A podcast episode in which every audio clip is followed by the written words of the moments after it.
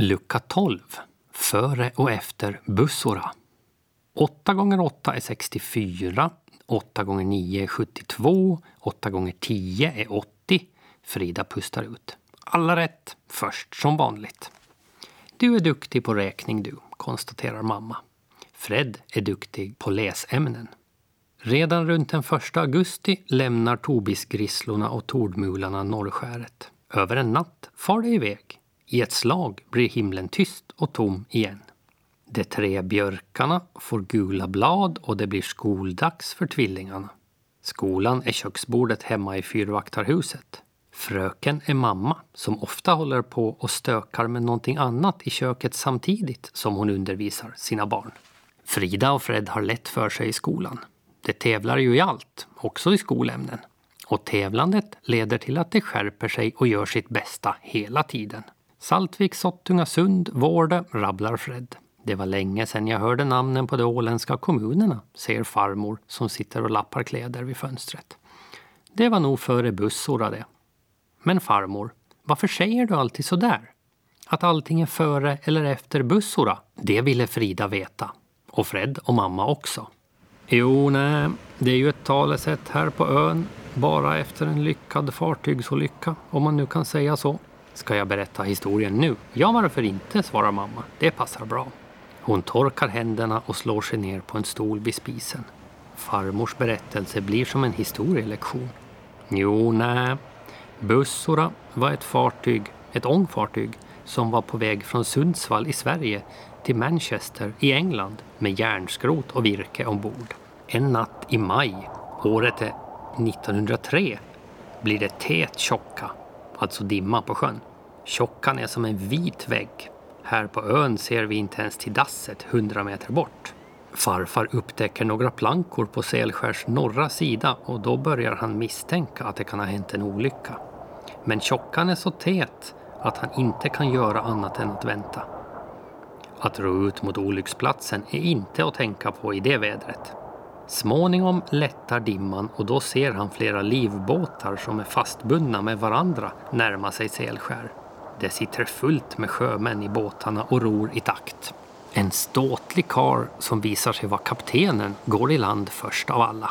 Han frågar på engelska efter fyrmästaren och när farfar stegar fram och kan svara på samma språk får han till sin förvåning en stor kram. Den främmande kaptenen pustar ut, glad och lättad.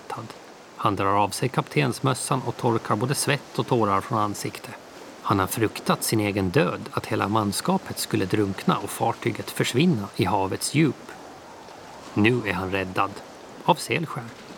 Sedan tar 22 trötta och frusna sjömän från Glasgow i land. Det blir ett fasligt sjå med att ordna mat och sovplatser åt alla.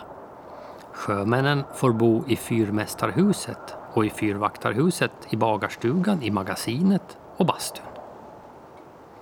De får äta den mat som finns. Tomatsoppa, havsbröd, rågmjölsgröt, kanske till och med lite selskärspannkaka. Kvinnfolken får mycket jobb dagarna i ända. Bussora står fast på grundet. Kaptenen måste ta sig till Mariehamn för att avge sjöförklaring, alltså förklara hur olyckan har gått till för rätten. Styrmännen och matroserna får stanna kvar på ön så lång tid stadsresan tar. Rummen hemma hos oss i fyrmästarhuset brukar kallas efter väderstrecken och i södra kammaren står en orgel som farfar spelar salmer på ibland. Sjömännen blev glada när de upptäckte den, må ni tro. De spelar och sjunger. En pojke sjunger som en riktig operasångare. Alla sjunger i stämmor, en spelar på orgeln och ytterligare en man spelar munspel. Så sorgset och vackert. Efter flera dagar med sång och musik kommer kaptenen tillbaks. Nu tas avsked. Alla på fyrlandet står på bron. Havet ligger stilla, de utvilade sjömännen går i båtarna och så började en av dem sjunga en gammal avskedssång och alla stämmer in. Må din väg gå dig till mötes och må vinden vara din vän. Och må solen värma din kind och må regnet vattna själens jord. Och tills vi möts igen må Gud hålla, hålla dig i sin hand. Hela den sommaren kan farfar se bussorna från fyren. Fartyget står på ett grund som kallas Tatarus, sju kilometer norr om Selskär. En dag framåt höstkanten med starka vindar ser han att fartyget makligt börjar röra på sig. Det guppar upp och ner i vågorna, svänger sig, glider så småningom av grynnan och bryts i tusen delar. Bussora förser Selskärsfolket med ved hela den vintern. Det blir som ett tack för allt det gjort för besättningen. Så nog var det en lyckad grundstötning alltid. Alla överlevde, det var mycket sång och musik och så fick vi ved så det räckte långa tider. Sedan dess säger vi här på ön att saker och ting hände före eller efter Bussora. Så avslutar farmor. Hon blir så trött av allt lycksaligt berättande att hon måste lägga sig på kökssoffan och ta sig en tupplur. Hon ligger och småsnarkar en hel halvtimme. Sedan måste hon börja rusta i sitt kök igen.